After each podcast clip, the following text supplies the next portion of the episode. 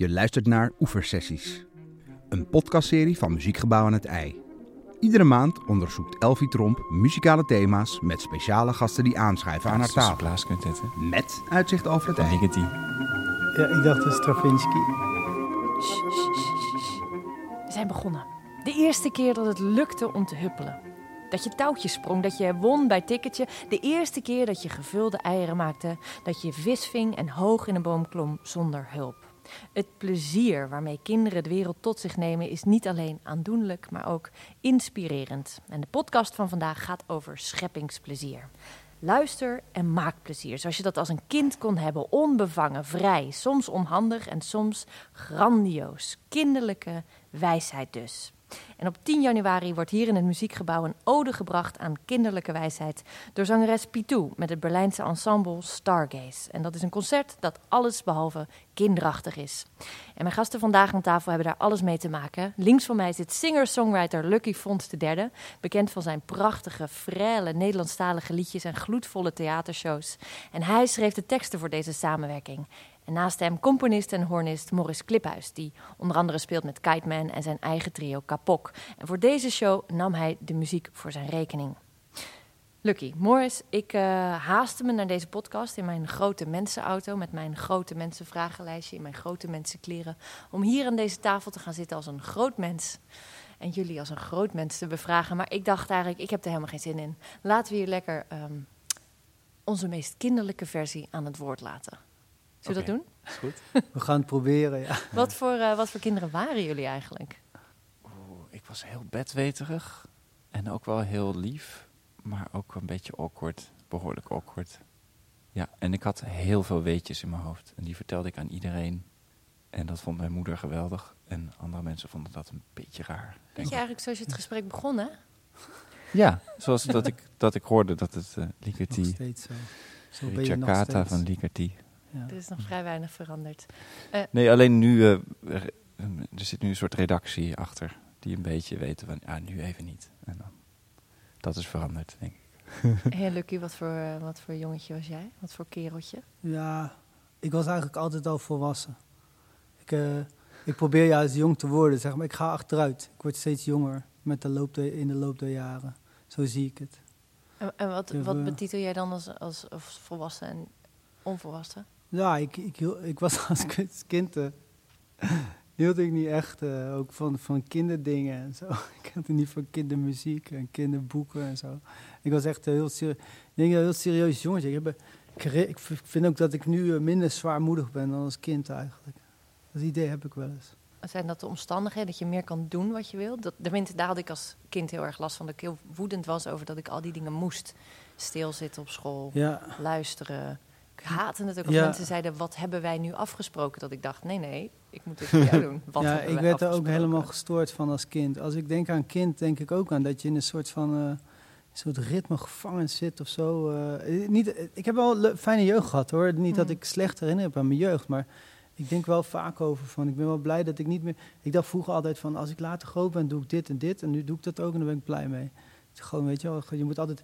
Mag niet zelf weten wanneer je naar bed gaat, mag niet zelf weten wanneer je Ja. opstaat en zo. Daar werd ik helemaal gestoord van als kind. Dan moet je ook de hele dag in school zitten. Ik vond school altijd wel leuk, maar ik ben wel heel blij dat ik eh, Ja. nu groot tussen aanhalingstekens ben. Ja, Denken Ja. jullie dat jullie vrienden waren geweest als jullie samen waren opgegroeid? je, jawel. Want wij kennen elkaar ook de helft van ons leven al bijna. Ja, wanneer hebben we elkaar ontmoet? Op de bruiloft van je zus was ik de bruiloftzanger. Nou, je hebt En- wel heel goed alles aan elkaar gepraat, weet ik nog.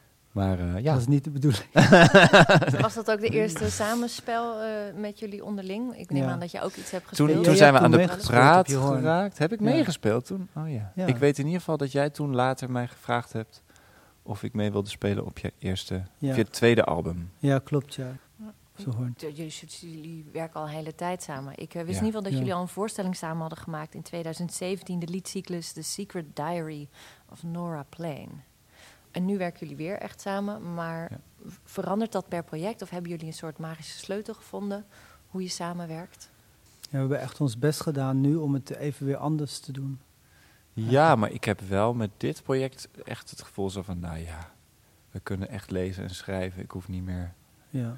we hebben echt geen ongemak meer. Nee. En dat was een paar jaar geleden, Dat is nu, dat is door, we hebben zoveel samengewerkt dat het echt gewoon vanzelf gaat. Het is heerlijk, vind ik. Ja.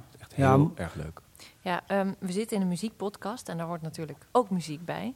En ik was heel erg verrast door eh, jullie eh, keuzes, want ik heb aan allebei gevraagd welke muziek geeft jou een vrij gevoel. Morris, dan, eh, dan moet ik toch denken aan wat jij hebt eh, laten luisteren. Carlotti L33 door Horowitz. Ja. Zeg ik het allemaal zo netjes? Ja. Hè? Ja hoor. Waarom heb je deze gekozen? Wat, wat geeft dit voor vrijheid aan jou? Als ik die opname hoor, het is een opname, live opname volgens mij uit Carnegie Hall van Horowitz, beroemde klassieke pianist die Scarlatti speelt. Eh, en wat ik zo heel mooi vind van die opname van Horowitz, je hebt het gevoel alsof je hetzelfde plekken verzint. Het heeft een soort lichtheid en hij is zo erg in het moment. En dat heeft voor mij heel erg met, met vrijheid te maken. Je hoort, elke noot is gewoon in het moment gekozen en helemaal raak. En je hoort helemaal niet meer eh, ego of bedoeling. Of je hoort helemaal niets ervan. Het is gewoon puur muziek. En de compositie en het spel van de noten. En het is, dat is super vrij.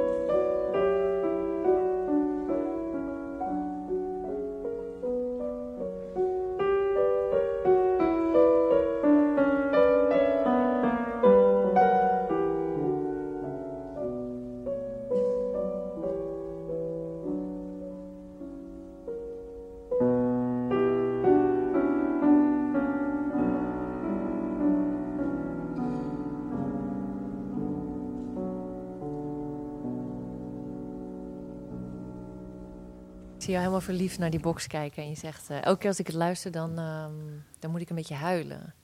Tot, tot welk deel van jou spreekt deze muziek? Het heeft een soort diepe mel- melancholie. Dus ik ben sowieso een beetje een melancholisch persoon. Hmm. Maar het is ook die vrijheid. Het is ook dat je het hoort en dat je denkt, je, dit, dit, dit is toegankelijk voor mensen. Zo'n zo'n soort niveau van, van vrijheid. Hoewel het een, co- een gecomponeerd stuk is, en hij is een klassieke pianist, dus hij speelt niks wat er niet staat. Wat, wat, ik eruit, wat ik hoor erin is dat hij op dat moment ontzettend vrij is. Hmm. Zodat hij, op, op, weet je, dat hij alles wat er gebeurt in het moment echt kiest. Ja. En die en dat is het paradoxale, want hij moet het ook spelen, want dat staat op papier. Maar het is ook, ja, maar het voelt hij wel als, als, alsof belichaamt, hij iemand wel- belichaamt de muziek Het op dat voelt alsof het gewoon in het moment is zoals een gevoel in het moment is. Of zo. Ja. Dat je gewoon, een- Ja. zoals je een emotie ervaart, gewoon op, de, op hetzelfde moment als dat je het ervaart. Snap je? Een emotie Ja. is niet een herinnering of een soort fantasie over de toekomst. Het, het overspoelt je een beetje. Zo.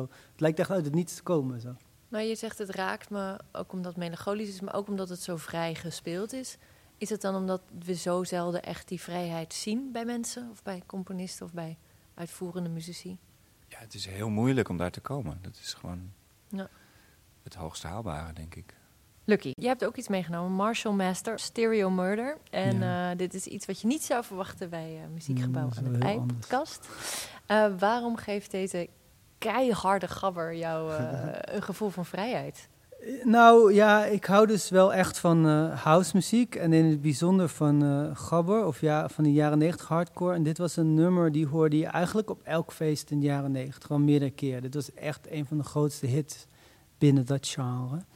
En ook eigenlijk, eh, dit is geproduceerd door Marco Acardipane, een eh, Duitse producer.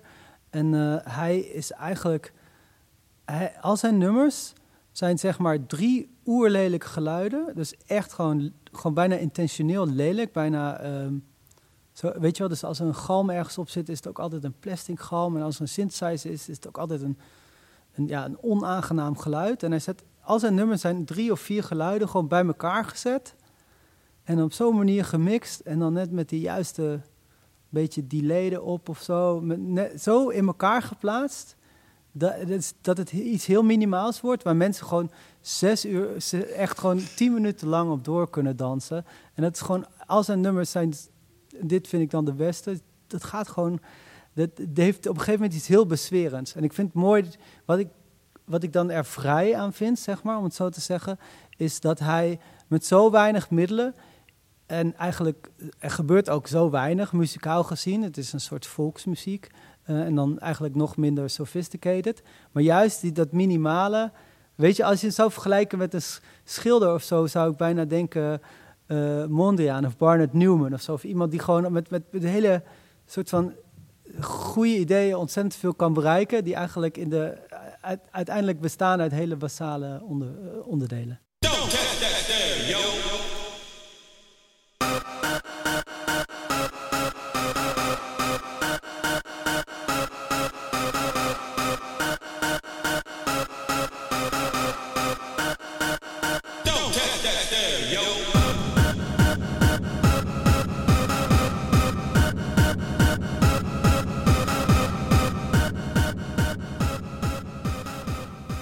ja, ik heb dus met eigen ogen gezien hè, dat hier dan zo 20.000 man in een soort van eh, straat, schaatsstadion gewoon helemaal losgaan. En die gaat ook meezingen als een soort van eh Ik vond zo leuk dat je de, ik vond het zo leuk dat je de vergelijking maakte met Mondriaan. Want bij Mondriaan zeggen mensen ook vaak, ja, dat Ja. had mijn, mijn, mijn neefje ook kunnen maken. Ja, ja, zeker. Eh, maar die heeft het niet gedaan. En misschien kun je dat over deze muziek ook wel zeggen. Van het is Ja. zo simpel, dat had ik ook wel kunnen doen. Ja, maar je hebt het niet gedaan. ja, of eigenlijk... een eh, soort verraderlijke simpelheid. ja, Die heel aanstekelijk is ook. Ja, Eh, laten we het hebben over het vrijheid in het spelen.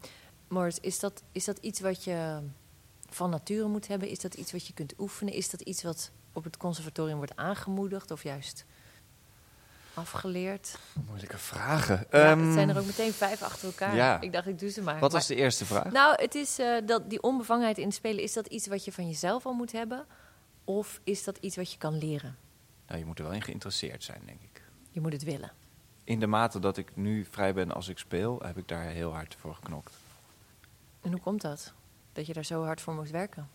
En op wat voor manier knok je Nou, we waren net eh, natuurlijk beneden in het Soundlab aan het improviseren. En toen merkte ik wel, oh ja, ik heb dit zoveel uren gedaan. Dat ik heb wel echt een soort van, nou, het kan me niet schelen gevoel. Ook al staat er een, een opname aan. En ik Ja. weet nog toen ik begon met vrij improviseren met Kapok, dat ik echt in mijn broek scheet zodra er een camera aanging of een, of een, een opnameapparaat. Ja. Dat ik dacht, oh, nu gaat iedereen het horen. Oh, dat betekent dat al die mensen die zitten aan het luisteren. En eh, wat ga ik dan nu doen? Wat zou nou in deze context iets zijn wat goed zou passen als Wat die mensen dat zouden is, horen? Nou, dan ga je daar denken, dan komt er onmiddellijk helemaal niks meer. Nee. Dus dan is het meteen voorbij. Ja. Nou ja, weet je wel. Volgende dag weer proberen. Nee, en nu, het lukt me makkelijker om, Ja. ehm, niet om dat uit te zetten, maar om dat gewoon een beetje los te laten. En gewoon het, te kunnen spelen. En is er nog een verschil tussen op of spelen voor opnames of voor publiek? En de vrijheid die je daarin voelt? Ja, ja. In de zin dat ik opnemen misschien nog moeilijker vond. Nou ja, het, is, Ja. het verschilt van moment tot moment. Ik Maar- heb wel, Voor ik heb wel, ja, ik heb wel voor, voor het publiek dat ik eh, me veel minder moeite kost om gewoon heel vrij te zijn, alles te laten gaan ja, voor het publiek. Ik ve- verbaas me ook soms bijvoorbeeld, ik praat ook best wel veel met het publiek. In het theater heb ik conferences. En ehm, ik, ik hou ook wel van publieksinteractie, gesprekjes en zo. En ik ben altijd op het podium veel meer ad rem dan ik ooit in het dagelijks leven ben. Ben ik zo, eh, ja, dat vind ik, dan ben ik in één keer drie keer zo grappig als normaal. Dat vind ik zo raar, Ja. op het podium. Het is toch een soort concentratie of zo. ja en, en taal is dan natuurlijk ook op dat moment jouw medium, want dat heb ik totaal niet op het podium. Ja, klopt. Dus als ik een hoorn in mijn handen heb, dan ben ik op dit moment relatief vrij. Als ik kijk naar eh, mijn eh, eigen carrière, dan ben ik nu vrijer dan ik ooit was op mijn Ja. instrument. Ja, Ehm, maar met praatjes, dan wel, ach man. Weet je wel, dus het is ook, ja. eh, je moet natuurlijk een, een mate van technische beheersing of een soort überhaupt beheersing hebben, zodat je die vrijheid, ja, dat is wel eigenlijk... dat je er wat mee kan. Ja, soms wordt vaardigheid gezien als het tegenovergestelde van vrijheid. Maar ik denk juist dat je vaardigheid nodig hebt om eigenlijk ja, vrij te kunnen zijn. Maurice, je zei net, het duurt, het duurt soms gewoon lang voordat je dan het opnameapparaat vergeet. En dan op een gegeven moment kan ik zeg maar spelen vrij. Is het ook iets wat je kan oefenen? Ja, zeker. En dat is gewoon een kwestie van doen. Het is gewoon uren, Uren Ja. maken. domweg uren. Ja. Ja. Met en zonder publiek, met en zonder opnameapparaat. In je eentje met Ja. andere mensen. Al die dingen. Ik wil even wat luisteren, namelijk Kylie at the Pool van Kapot. Oh ja. Daar hadden we het er net al over. Oh, dit is, mag ik meteen een... eh, Heel graag. Dit was namelijk, oké. Kapok had besloten, we hadden met z'n drieën besloten om onze, ik denk vierde plaat, Mirabel op te nemen. En we hadden een heel repertoire aan, aan eh, materiaal gemaakt dat waar we allemaal mee wilden gaan improviseren. Dus we wilden een soort improviserende, eh, geïmproviseerde plaat maken. Maar we hadden wel allerlei ideeën over wat verschillend materiaal, wat we daarin zouden kunnen stoppen en zo. We hadden vijf dagen een studio afgehuurd. En we hadden producer Ruben Samema erbij geweldige bassist, eh, componist, producer, zanger, gitarist, alles. En hij zei aan het eind van dag één: volgens mij moeten we al het materiaal weggooien en gewoon een improplaat maken. Waarbij bij mij onmiddellijk alle vol op de rem, zo, oh nee, nee, wacht even. Eh, Eh, Ja, want je hebt hier je best op gedaan, je hebt erover nagedacht. dat, dat was sowieso al een, eh, te- Super om te in- moeilijk om te incasseren. Eh, maar dan ook nog, ik was heel bang met Kapok. Oh ja, maar als we dan een geïmproviseerde plaat gaan doen, dan haakt ons publiek af. Want dan wordt het heel abstract, of heel raar, of heel moeilijk, of heel erg. Dus je had jezelf een Stekelig. beetje gegijzeld in het idee van publiek. Ja, ja, En het idee Zeker. van wat je zou moeten zijn. zeker. En je liet Ja. dat los en toen kwam er dit. Nou, ik wilde dat helemaal niet loslaten, maar eh, ik, ik, had, ik merkte wel, oh ja, Ruben is iemand die echt van wanten weet. En ik merkte wel, oh ja, hij heeft gelijk. Dus toen zijn we toch maar in het diepe gesprongen. En toen zijn we die vijf dagen die we hadden gewoon alleen maar elke keer met, eh, helemaal met lege handen begonnen en gaan improviseren. En op een gegeven moment was er één moment, ik had die hele tijd echt geen idee of het überhaupt waarde had wat we aan het doen waren. Ik dacht echt, nou ja, schiet mij maar lekker. Ik heb geen idee. Ik hoop dat we hier nog een plaat van kunnen monteren aan het eind. Ik hoop dat iemand hier wat aan heeft. Ik in ieder geval niet. dat was zeg maar mijn gevoel. Echt een groot vraagteken. Ehm, wat waren de reacties? nou, nog even, want op een gegeven moment gingen we dus weer een teken opnemen. En toen stond ik op mijn cornet te spelen. Ik weet nog heel goed het moment tijdens de opname dat ik dit speelde. En dat ik dacht, ja, dit is toch wel echt het dieptepunt. Wat ik nu doe, slaat echt helemaal nergens meer op. Het is, technisch, slaat, het is technisch niet goed. Ik weet echt niet waarom ik dit doe. Nou, weet je wat? Fuck it. Dus, weet je wel? Dus ik zat daar en ik dacht, nou, oh man. Nou ja, dan is, het maar, dan is het maar even tien minuten heel erg slecht, weet je wel? Dus dat ging er allemaal razendsnel door mijn hoofd. Dus ik was ook, ik was ook, ik was, dat was allemaal heel erg lastig. Omdat je ego is nergens. Je Ik, ego nee, is ik nergens. dacht echt. En als je is, nu terugluistert, denk je het is dan... het beste moment van de plaat. Voor, is, voor mij is dit persoonlijk, jouw innerlijke voor mij Marshall persoonlijk- Masters die zo hier naar buiten komt? voor mij persoonlijk eh, als ik dit terug hoor, denk ik, oh ja, dit is interessant. Eh, als je het vergelijkt met al die andere momenten waar ik dacht te weten wat ik aan het doen was. Dus je innerlijke Ja, curator heeft het niet altijd eh, bij Dat is dus het punt. Je bent zelf een hele slechte. Je kan zelf heel slecht beoordelen wat er wel en niet goed is.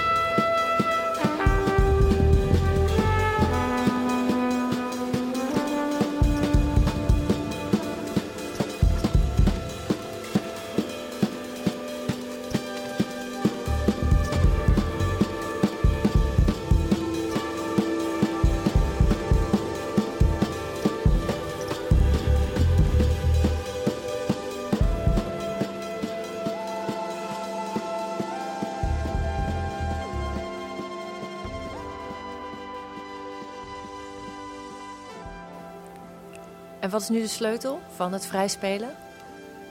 Het helpt als je je hoofd op het hakblok durft te leggen in het moment. Dat je gewoon denkt, nou ja, eh, misschien is dit wel echt heel slecht, maar ik ga het toch doen. Dat. Hoe is dat bij jou, eh, Lucky? Heb jij gêne, gêne bij het maken? Want het klinkt als gêne die je dan tegenhoudt. Zeker, ja. Ja. ja. Heb je dat ook? Ja, ik herken dat wel. Nou, wat ik vooral herken is wat hij net zegt eigenlijk. Dat op het moment dat je zo een soort van radeloos bent. eh, en, en dat je dan, dan je ego zit eigenlijk heel laag. Hè? Want je bent het tegenovergestelde van trots van jezelf. En dan, dan eigenlijk is... Kijk, trots zijn is een fijn gevoel of zo. Maar die trots staat wel in de weg vaak soms van goede muziek. Dus als als je dus... Als, je, als, als, als, dat er niet is, dan vaak is de muziek dan toch iets ja, toch spannender of zo. Dat, eh, dat, dat herken ik wel. Laten we ook even luisteren naar muziek die jij eh, van jezelf heel vrij vindt. Waar heb je voor gekozen? Ja, een track van eh, mijn eerste Nederlandstalige album. Eh, dat album heet Hoe je honing maakt. En di- dit nummer heet Wie. Het is niet echt mijn bekendste nummer of, of mijn beste nummer of zo. Maar dit illustreert wel goed een beetje waar, we het over hebben. En ook raakt een beetje aan Morris' verhaal. Want ik weet nog dat ik dit schreef en dat we het opnamen. En dat ik ik zat toen echt best wel laag. Want ik had, uh, ik had, ik had toen een, jaar lang uh, problemen gehad met mijn uh, mentale gezondheid. En dan was ik net een beetje aan het uitkrabbelen. En ik had ook gedacht dat mijn, ja, dat ik, mijn carrière beschadigd was of zo. Want wat ik hiervoor deed was mede daardoor een beetje niet, niet, niet even geslaagd allemaal. En toen ben ik gewoon maar overnieuw begonnen als een soort van op therapeutische basis. Deze plaat is eigenlijk een therapeutische basis gemaakt. Dus ik heb gewoon met twee van mijn goede vrienden van me, die ook heel muzikaal zijn hoor. Ro Halfheid en Mark uh, de Jonge. Uh, op bas en drums spelen die hiermee. Dacht ik van, nou, ik ga gewoon een plaat maken in het Nederlands. Uh, ik had toen ook het idee van dat is ook lekker makkelijk of zo. Helemaal niet waar natuurlijk. maar, en, en ik, ik, heb op een gegeven moment die raadloosheid een beetje poëtisch proberen vorm te geven. Dat hoor je ook wel. Het is een beetje ook een, gezongen vanuit het perspectief van iemand die hulpeloos is. Het refrein is ook een beetje van ja, wat moeten we nou met hem aan en zo. Dus dat was de bron van inspiratie. En je hoort ook dat ik heel vrij zing en heel vrij gitaar speel. Vrij als in het boeit me niet als het fout gaat. En, en wat maakt het uit als het, hoe het een beetje klinkt? Het is alsof het in elkaar flansen. En uiteindelijk hoorden we terug en dacht van dat is eigenlijk mooi geluid. Dat is ook waar het over gaat. En ik laat ook eh, op een gegeven moment heb ik, ik ben altijd, wat ik zei net, best zo'n klassieke componist en tekstdichter geweest. Dat is altijd netjes zo de vormen. Maar hier laat ik ook vrij. Bijvoorbeeld de brug of zo duurt ook in één keer veel te lang voor een popliedje, weet je wel. Maar dan dacht ik van, dit is echt zo, dit is mij die gewoon zegt van, maak me allemaal niet meer zo uit. En ik wil het gewoon nog even kwijt en that's it. Maar en ik hoef geen succes mee, maar ik hoor het terug en dan vind ik het heel mooi. Maar mooi zei, ik leg mijn hoofd op het hakblok om vrij te spelen. Trap jij eigenlijk het hakblok om? zo, zou, ja, zo zou je het kunnen zien.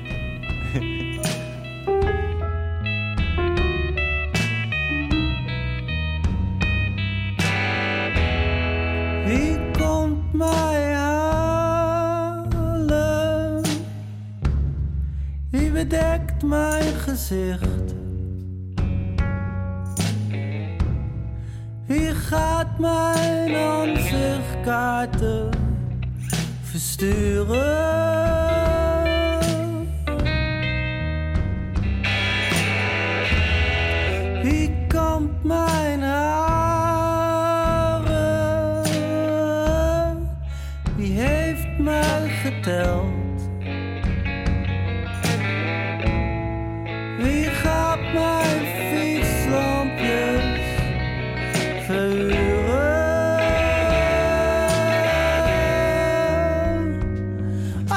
Als hij het moeilijk heeft, dan gooit hij dingen naar ons toe. Dan schreeuwt hij dat hij slapen wil en dan gilt hij ik ben moe. En we hoeven hem niet te helpen, maar dat doen we toch nog steeds. Ik denk niet dat hij anders kan, hij is overal geweest.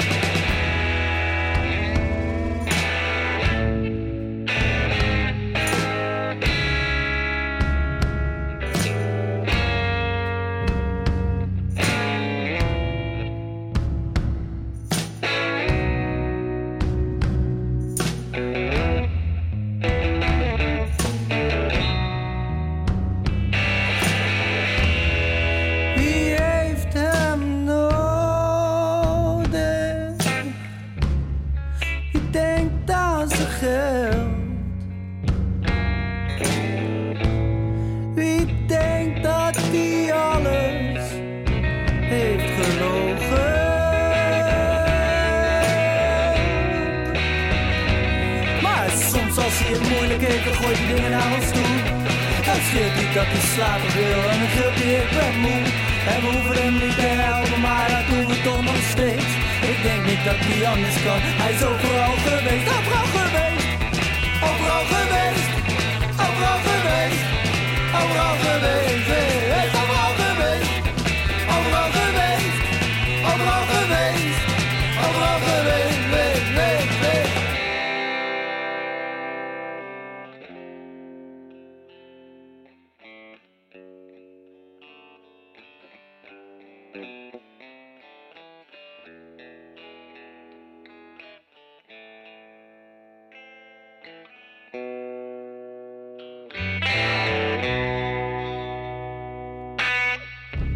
Bij de slagboom links.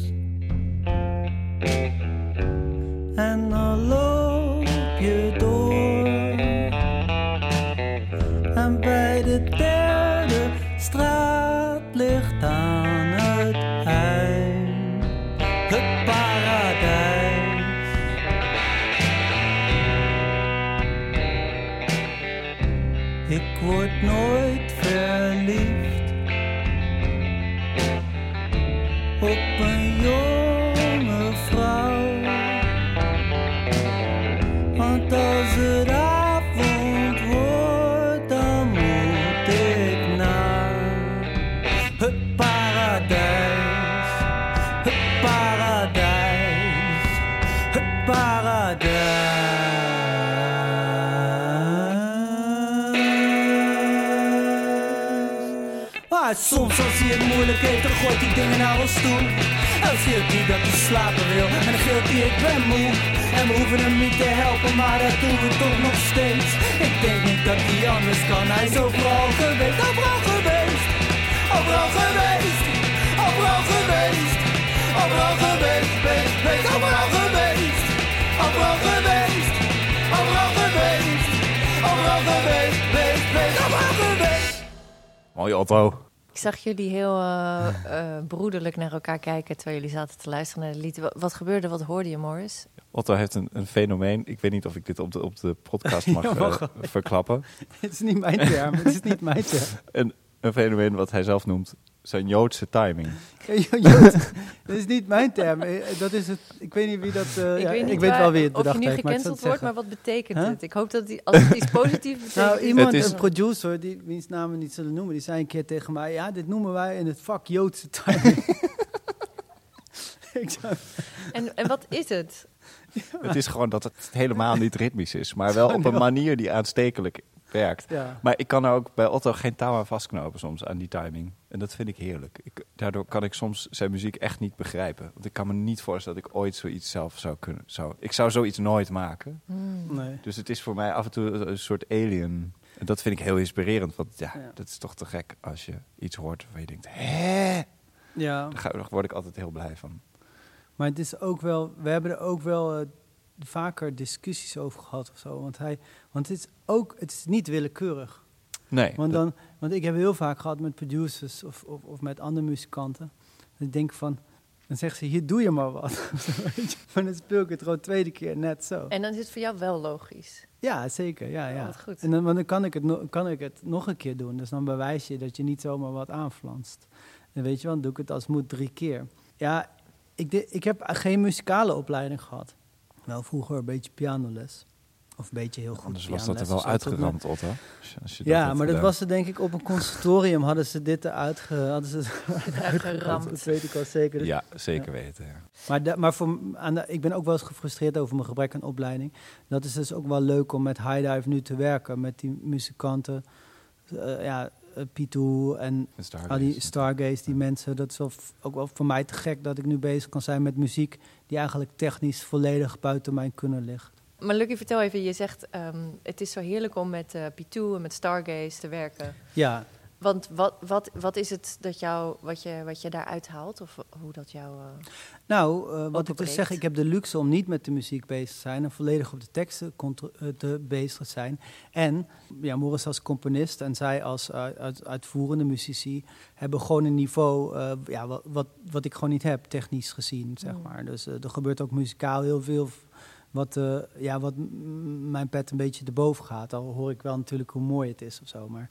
eh, dus ik bemoei me ook eigenlijk helemaal niet met de muziek proberen wel af en toe doe ik een opmerking voor de sier. En dan word ik zo uitgelachen, zo door twaalf mensen. Weet je wel, dan hoor je zo met z'n allen lachen de tekst dicht. Heeft ook een idee.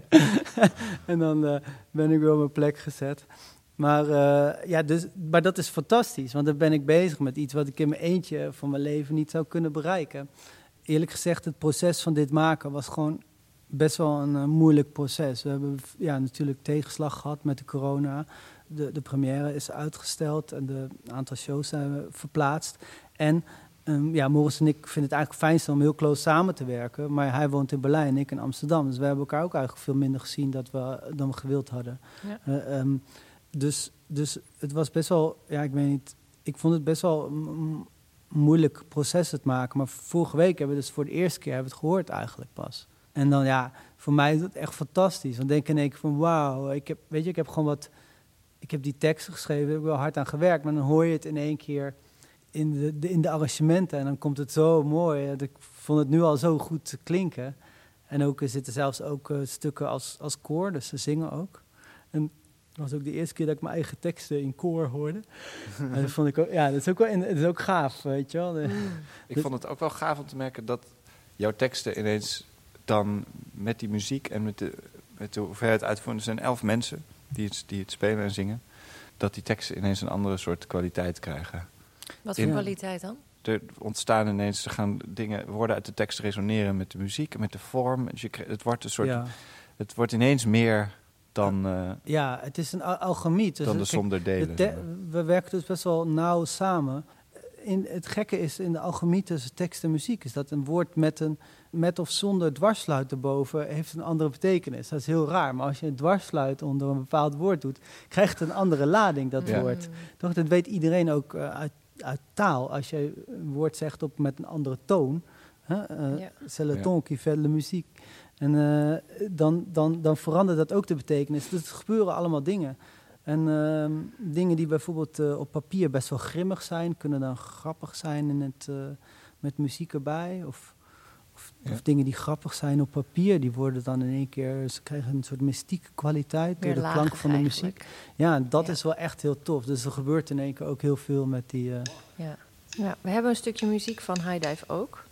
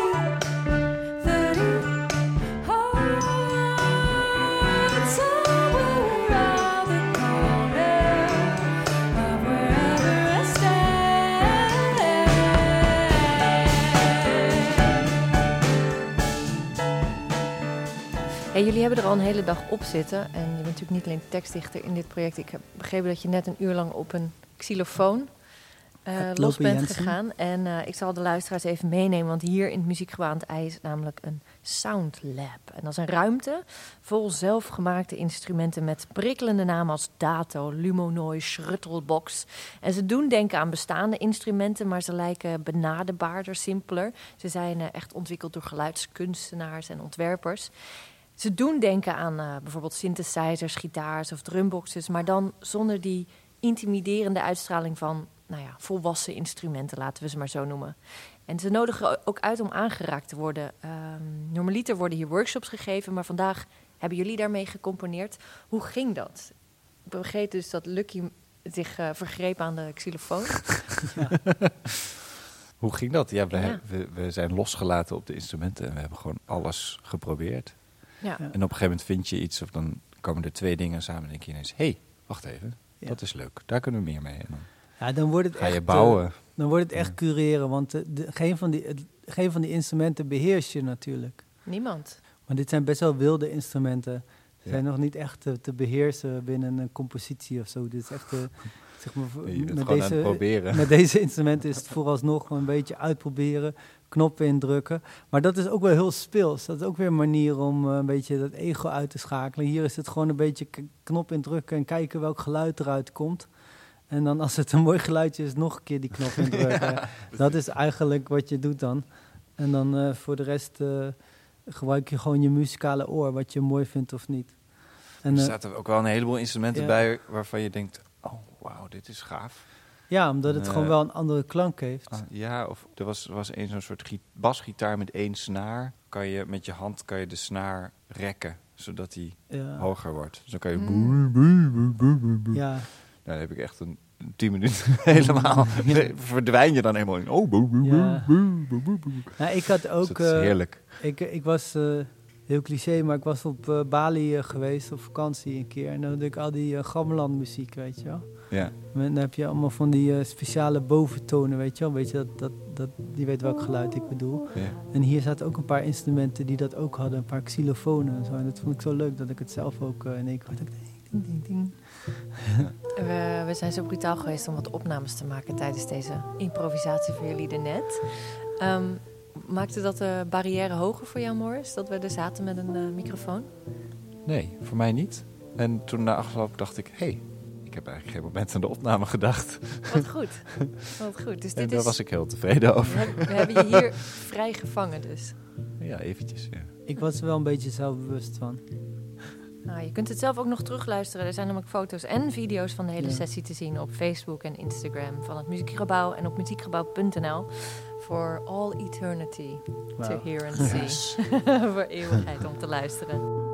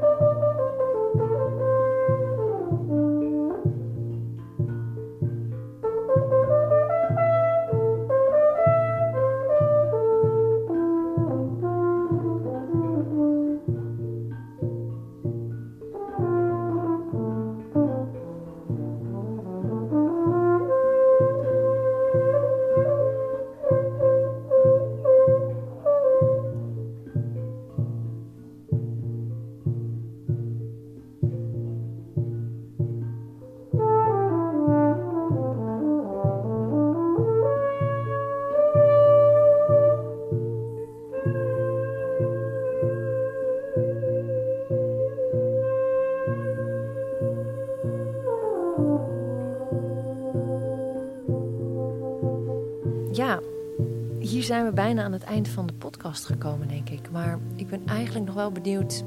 Deze ode aan de kinderlijkheid die jullie hebben gemaakt, aan de kinderlijke wijsheid. Wat is, hebben jullie doorgrond? Wat is deze wijsheid die we nu van kinderen kunnen meenemen, die jullie willen meegeven door dit project? We kunnen niet echt eh, iets meegeven, vind ik. Want eh, ik, Kijk, het is geen eh, stichtelijk stuk. Uiteindelijk is het ook geen mystiek stuk. Het is wel een verlangen. Er zit wel een verlangen in naar stichtelijkheid. Een verlangen naar mystiek en een verlangen naar een soort van.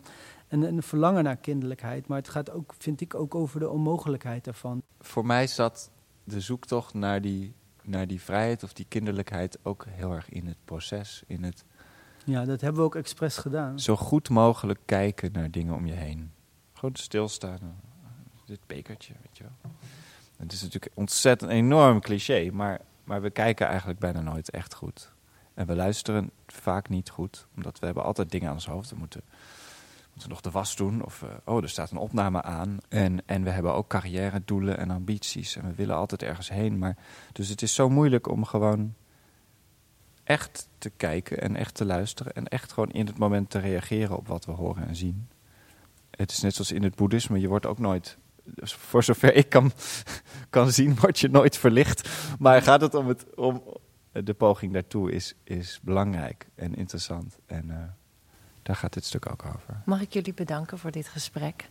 En ik wil eigenlijk een beetje afsluiten met een... Nou ja, we mogen niet eh, zenden van, eh, van Lucky. We hoeven geen prediker te zijn. Maar ik vond het toch heel hoopvol wat je zei over... Misschien is dit een poging tot falen. Misschien is het hele leven een poging tot falen. Maar het is een poging. En misschien worden we als volwassenen wel steeds meer de beste versie van ons kind. Dat is een hele mooie gedachte. Mooi, mooi gezegd. Ja, dat is een citaat van jou in het begin van de podcast. Ik heb hem onthouden en ik ga hem, eh, ik ga hem bij me dragen. Dit was Oeversessies. Like, abonneer en deel de podcast. De muziek van Lucky Fons III en Morris Kliphuis in hun programma High Dive is te horen in Muziekgebouw aan het IJ. Op 10 januari 2021. En dat is een opdracht van November Music. Maar ditmaal hebben we de première in januari. En denkt u nou thuis, hey, ik wil ook wel eens onbevangen muziek gaan maken? Dat kan. Er zijn workshops te volgen hier in Soundlab voor jongeren, maar ook voor volwassenen. Check de website muziekgebouw.nl slash soundlab. En dat is voor aspirerende muziekmakers, ervaren producers, eh, verveelde huisvaders. Iedereen is hier werkelijk welkom om eh, met onze instrumenten in de weer te gaan. Eh, voor nu, tot snel.